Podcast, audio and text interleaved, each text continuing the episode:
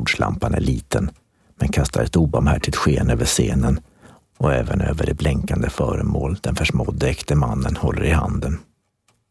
En 30 centimeter lång kökskniv. Janne rusar upp, sliter på sig byxorna och kavajen. Den trasiga skjortan blir kvar på golvet och han knyter nävarna beredd på att fortsätta slåss men hinner inte ens utdela det första slaget.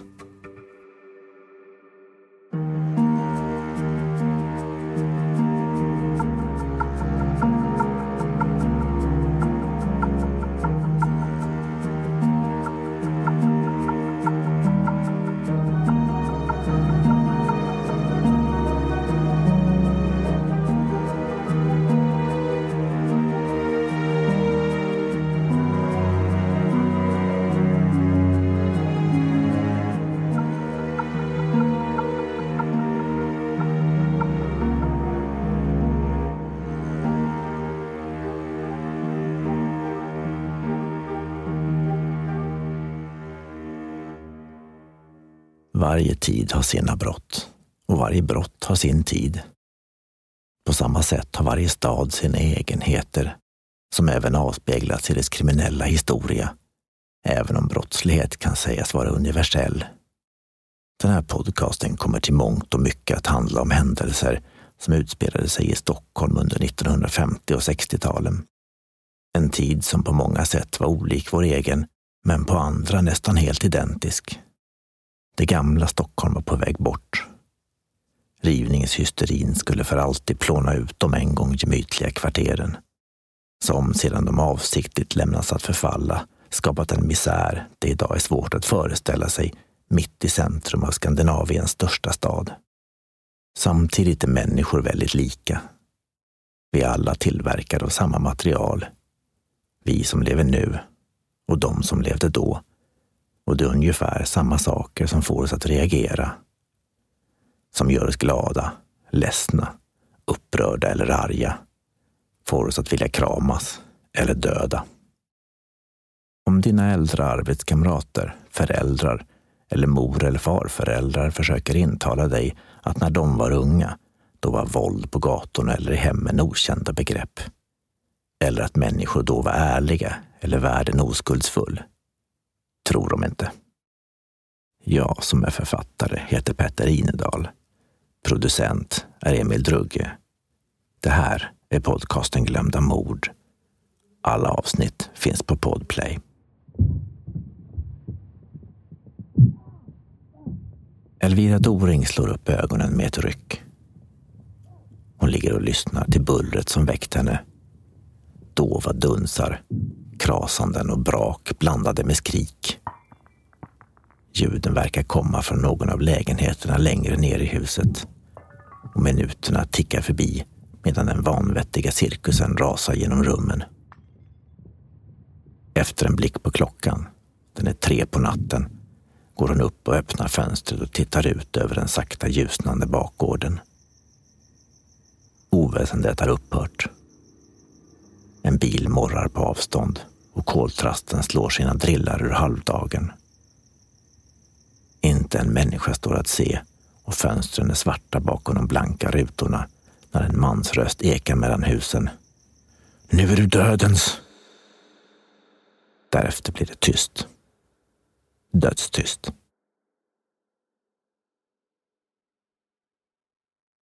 Röda bergen i Stockholm är en hemlighet i innerstadens utkant en som även infödda stockholmare långt ifrån alltid är bekanta med. Stadsdelen uppfördes till största delen under 1920-talet och visar i all sin stilla prakt vad stadsplaneringen förmådde innan modernismens själlösa lådor vältrades in över det offentliga rummet. Här har höjdskillnaderna ännu inte schaktats bort och gatorna vindlar mellan små plötsligt uppdykande grönområden det leks med material och byggnadssätt. Ett träkanapp på ett stenhus. En överraskande gatuöppning rätt genom en vägg och en rad träd som förvandlar gatan till esplanad trots att dess storlek inte alls uppmuntrat till någonting sådant. I Röda bergens gränsmarker finner man Gävlegatan och nummer 15 i dess nedre del där kontor och monteringslokaler skvallrar om närheten till Norra stations forna godsterminal. I en tvåa på nedre botten med utsikt över vad som då var Philips komplex bor sommaren 1961 det äkta paret Anders och Gerd Raunavaara. De är 42 respektive 36 år gamla och har nu varit gifta i sex år. Men att påstå att det är ett harmoniskt äktenskap vore att handskas allt för ovarsamt med sanningen. Anders Raunavaara är född och uppvuxen i den lilla orten Kuivakangas i Övertorneå, bokstavligen på gränsen till Finland. I officiella handlingar heter han Andreas Raunavaara, men kallas aldrig annat än Anders, inte ens av sina närmaste. En officiell familjehemlighet vet berätta att prästen hört fel vid dopet och därför både sagt och skrivit in namnet Andreas i kyrkoboken. Och att detta är anledningen till diskrepansen. Han är mellanbarnet av fem syskon, men har dessutom fyra halvsyskon på sin mammas sida. Och liksom flera av sina systrar hamnar han så småningom i Stockholm. Han är begåvad över genomsnittet men kanske är det hans uppfostran. Föräldrarna var strängt religiösa lästadianer som gör honom ömsom blyg och fumlig och ömsom häftig och våldsam. Att han inte har någon vidare tur i sina kontakter med det motsatta könet kan man lätt konstatera. En förlovning i hembyn tar snabbt slut sedan fästmön smittat honom med syfilis. Och också efter denna minnesbeta Anders beger sig ner till huvudstaden där han två år därpå gifter sig. Ett äktenskap som trots att det skulle vara i sju år snabbt får slagsida när Anders tittat för djupt i flaskan. Snäll och trevlig när han är nykter blir han raka motsatsen efter några glas och hustrun är en av de första som får del av våldsutbrotten. Bekanta berättar hur han hotat med att sprätta upp magen på sin svåger och hur han vid ett tillfälle försökt strypa honom med hans egen slips. Ett tilltag som endast misslyckas därför att slipsen går av. I ett annat raseriutbrott sliter han bokstavligt talat kläderna från kroppen på sin hustru och avslutar med att förvandla möblemanget till kaffeved. Och äktenskapet tar slut 1951 sedan hustrun varit otrogen med en granne. Men livet går vidare. På en fest träffar han Gerd Dahlgren. Ett poddtips från Podplay. I podden Något Kaiko garanterar östgötarna Brutti och jag, Davva, dig en stor dos skratt. Där följer jag pladask för köttätandet igen. Man är lite som en jävla vampyr. Man har fått lite blodsmak och då måste man ha mer. Udda spaningar, fängslande anekdoter och en och annan arg rant. Jag måste ha mitt kaffe på morgonen för annars är jag ingen trevlig människa. Då är du ingen trevlig människa, punkt. Något Kaiko, hör du på Podplay. Därför är. En 27-åring från Östersund och de blir ett par redan samma kväll. Tre år senare gifter de sig och flyttar 1956 in i lägenheten på Gävlegatan. Om Gerd i förväg känt till Anders humörsvängningar får väl betraktas som tveksamt.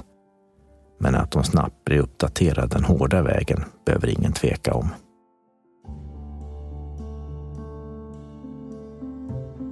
Tidigare otrohetsaffärer har gjort Anders Raunavaara extremt svartsjuk. Att hans eget beteende på något sätt skulle bidragit till det hela en tanke som aldrig verkade slagit honom. Gerd blir regelbundet misshandlad i hemmet.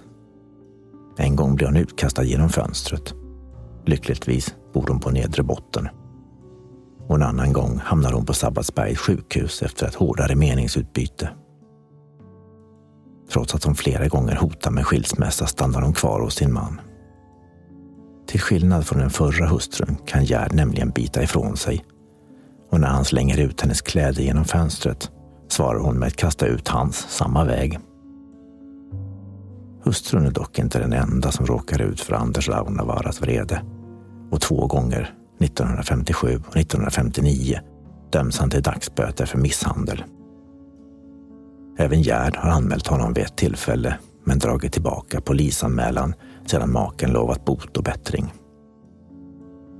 Att det är alkoholen som förvandlar en Anders timide Anders, vars enda övriga last är trav och galoppspel, Det är en sak som inte undgår någon, allra minst honom själv. Och när han efter remiss från läkare skickas till Ulvsunda vårdhem, ett psykiatriskt sjukhus med huvudsaklig inriktning mot alkoholister, beläget i fältmarskalken Lennart Torstenssons 1600-talsslott, protesterar han inte. Något år senare tas han in på Albyhemmet, även det en psykiatrisk klinik med inriktning mot alkoholism, men blir utslängd och skickad tillbaka till det mer strängt hållna Ulvsunda sedan han rymt och därefter uppenbarat sig i berusat tillstånd. I sjukhusjournalen har personalen noterat som förklarande omständighet att patienten som barn varit sängvätare.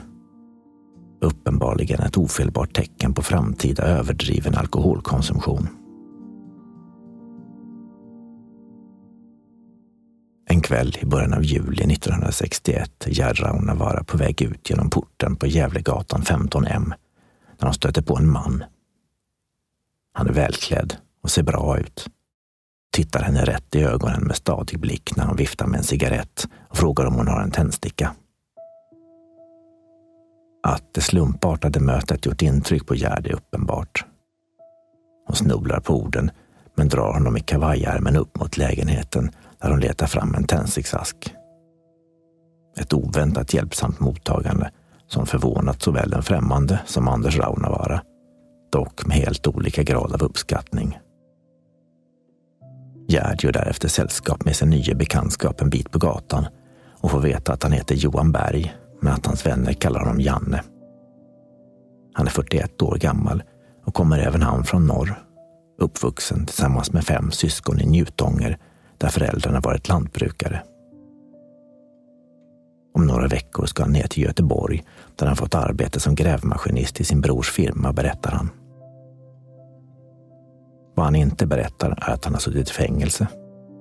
En ofrivillig vistelse på statens bekostnad så hemlig att inte ens alla syskonen känner till den.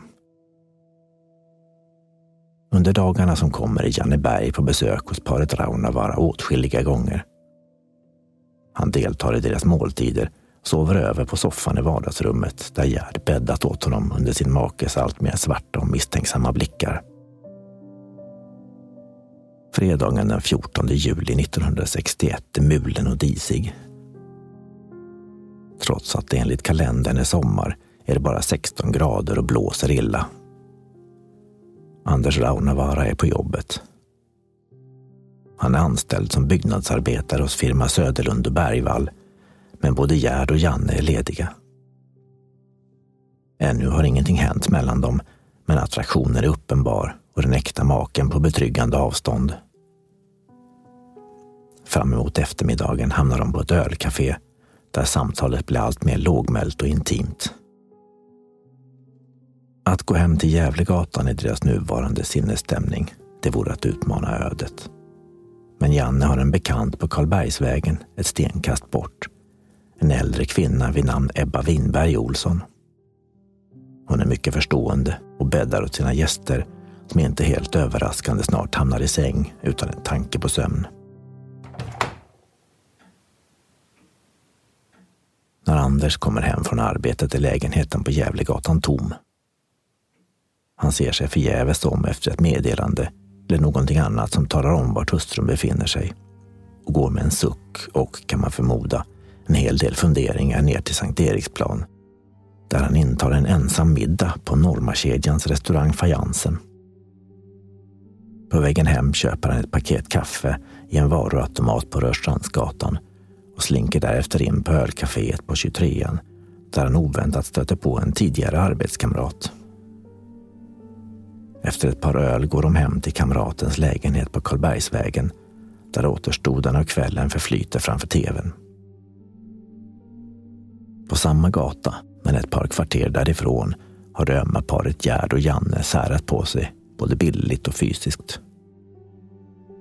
På inrådan av Ebba Winberg Olsson, som känner till Anders Raunavaara och kan gissa hans reaktion om hans hustru och den nya vännen Janne Berg skulle återvända tillsammans sent på natten och lukta alkohol, följer Gerd med henne till en av hennes vänner på Tomtebogatan. En äldre man hon vet att Anders känner och litar på. Under ett par timmar skaffar Gerd sig ett alibi. Janne, som av allt att döma haft svårt att slita sig, går istället hem till paret Raunavaras lägenhet och finner Anders sittande ensam vid köksbordet med en flaska brännvin. Klockan är nu runt ett på natten. Men Anders är trots hustruns mystiska frånvaro över relativt gott humör och verkar inte ana den roll i dramat som spelas av den leende mannen som nu sätter sig vid andra sidan bordet. Strax därpå ringer telefonen. Det är Gerd som vill sondera terrängen innan hon beger sig hemåt. Och det är med viss konsternation hon tar emot beskedet att älskaren och maken nu sitter och dricker sprit tillsammans. Den gemytliga stämningen blir mindre gemytlig sedan Gerd kommit hem. Exakt vad det är som gör att hon drar på sig makens vrede. Han är ännu okunnig om händelserna tidigare under kvällen. Det får hon aldrig klart för sig, men örfilen svider på kinden. Janne Berg, alltid den chevalereske riddaren när det passar honom, ryssar upp och Anders är inte sen att anta utmaningen. Det är två jämbördiga motståndare som drar sig in i vardagsrummet på Gävlegatan 15M. Janne Berg är 175 centimeter lång och har en matchvikt på 75 kilo. Anders Raunavaara 179 centimeter och 71 kilo. Bägge beskrivs som atletiska och vältränade bägge har de lika grundmurat rykte som slagskämpar. Efter de första knytnävslagen stiger raseriet och alla tillhyggen är tillåtna. En pall, en mjölkflaska och ett avbrutet bordsben. Gerd stannar visligen i dörröppningen under det att vad som senare i pressen skulle beskrivas som en duell med knytnävarna rasar genom rummet. Efter att förtvivlat ha försökt få de bägge rivalerna att lugna ner sig har hon fått nog och går ut för att ringa en väninna för att ragga sovplats för natten. Eller snarare återstoden av morgonen. Klockan är nu tre och Elvira Doring väcks. Även andra grannar vaknar. En av dem är en byggnadsarbetare som först yrvaket tror att han befinner sig på jobbet. Innan han till sin förvåning inser att ljuden kommer från lägenheten under. Porslin krossas och möbler välts. Sedan blir allting tyst som genom ett trollslag och Elvira Doring tittar ut genom fönstret. Hade hennes lägenhet vettat mot gatan och inte mot gården hade hon fått se Gerd Raunavaara komma ut genom porten. Hon är på väg till telefonkiosken men upptäcker att hon inte har någon växel varför hon istället styr stegen mot Philipshuset där en nattvakt står. Oväsendet har lockat ut honom och han ser medlidande på den förtvivlade kvinnan och släpper sedan in henne på kontoret så att hon kan ringa. Men den väninna Gerd satt sitt hopp till svarar inte. Utan kappa och utan nycklar hem står Gerd sedan villrådig ute på gatan och undrar vad hon ska ta sig till. Från den egna lägenheten är det nu tyst och som hon står där öppnas porten och Janne Berg uppenbarar sig i gryningsljuset. Han får syn på henne och de möts mitt på Gävlegatans tomma körbana och börjar gå bort mot Torsplan.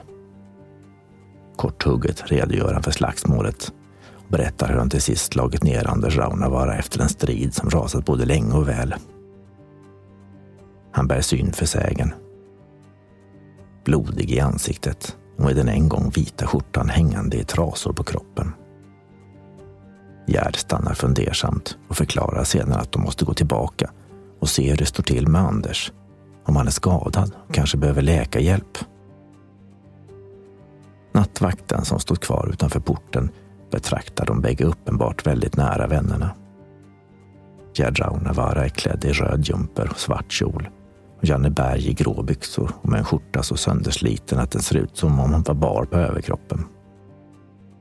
Över armen hänger en grårutig kavaj de går fram till det halvöppna fönstret som dock sitter för högt upp för att någon av dem ska kunna ta sig in. Ett problem Gerd löser genom att klättra upp på en cykel som står lutad mot husväggen. Ålande försvinner hon in. Någon minut senare öppnar hon porten åt Janneberg. Klockan är 20 över tre. Det Raunavarska hemmet är mörkt och tomt och Anders spårlöst försvunnen. Gerd och Janne letar det tar inte lång tid i den lilla lägenheten och hamnar sedan i säng för andra gången denna händelserika natt. Sekunden därpå öppnas ytterdörren och en blodig gestalt kliver in i vardagsrummet. Bordslampan är liten men kastar ett obarmhärtigt sken över scenen och även över det blänkande föremål den försmådde äkte mannen håller i handen. En 30 centimeter lång kökskniv. Janne rusar upp, sliter på sig byxorna och kavajen. Den trasiga skjortan blir kvar på golvet och han knyter nävarna, beredd på att fortsätta slåss, men hinner inte ens utdela det första slaget. Knivhugget träffar honom rätt i bröstet, där det tränger in mellan fjärde och femte revbenet, genomborrar högra hjärtkammaren och stannar in i hjärtsäcken. Janne faller baklänges med blodet pulserande ur såret.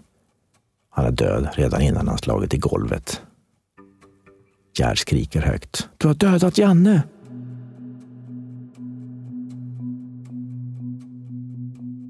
Larmet kommer till Johannes brandstation klockan 03.37 lördagen den 15 juli 1961. Det är Gerd Raunavaara som kallat på ambulans via en granne. Hon har försökt ringa hemifrån, men Anders sliter telefonluren ur handen på henne och hon har fått knacka på flera dörrar innan någon till sist öppnar. De enda uppgifter hon gett är att en man blivit skadad på Gävlegatan 15M. Men det går snabbt upp för ambulansmännen som anländer till paret Raunavaras lägenhet att någonting inte står rätt till. En jämrande och blodig man sitter på hallgolvet och i en stor blodpöl på en trasmatta inne i vardagsrummet ligger en livlös man med ett knivhugg i hjärttrakten. Och liksom för att förtydliga ligger även en kniv med blodigt blad fullt synlig intill kakelugnen. Den dödes ögon är öppna och stirrar oseende upp i taket. Ambulansmännen ringer omedelbart polis som kommer med blinkande rödljus och tjutande sirener. Polisen tar Anders till Karolinska sjukhuset för att plåstras om. Han sys på flera ställen och det är knappt de förstår vad han säger vid de första förhören då hans läppar är så svullna. Efter förhöret svimmar han och skickas därför till Serafimerlasarettet för ytterligare läkarundersökning varifrån han dock återkommer redan samma morgon. Kniven gick långt in. Det kände jag när jag drog ut den, kommenterar han mordet på sin rival. Jag såg när han ramlade, berättar Gerd med lågmäld röst. Anders Raunavaara säger sig inte minnas vad som hänt efter det första våldsamma slagsmålet, annat än att han sett rött när han funnit sin hustru i säng med Janne Berg. Och han urskuldar sig med att han är från finska gränsen och att pojkar därifrån har lätt att ta till kniven. En undersökning av trappuppgången och vittnesmål från en granne visar att han strax innan mordet blödande tagit sig upp för trapporna ända till vinden i jakten på sin försvunna antagonist. Kniven har han hela tiden i handen. Det är en vanlig kökskniv där några fiskfjäll som ännu klibbar vid skaftet visar vad den sist används till innan den förvandlas till ett mordvapen. Och hugget har varit så kraftigt att hela knivbladet böjts i 30 graders vinkel.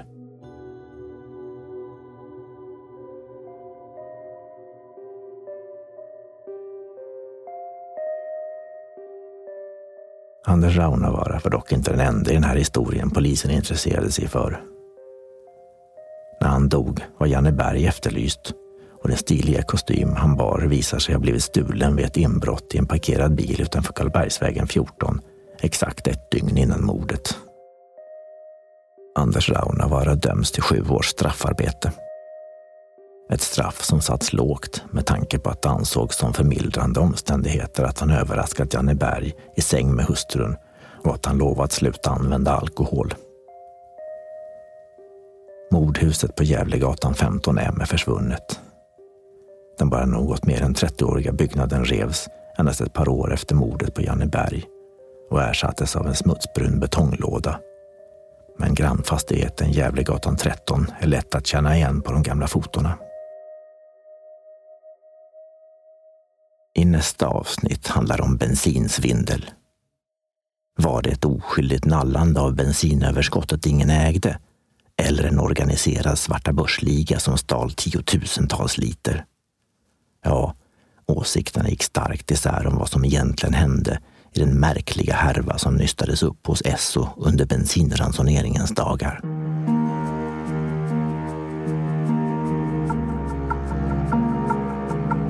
Du har lyssnat till podcasten Glömda mord. Jag som berättar heter Petter Inedal. Producent Emil Drugge. Allt det här har hänt på riktigt.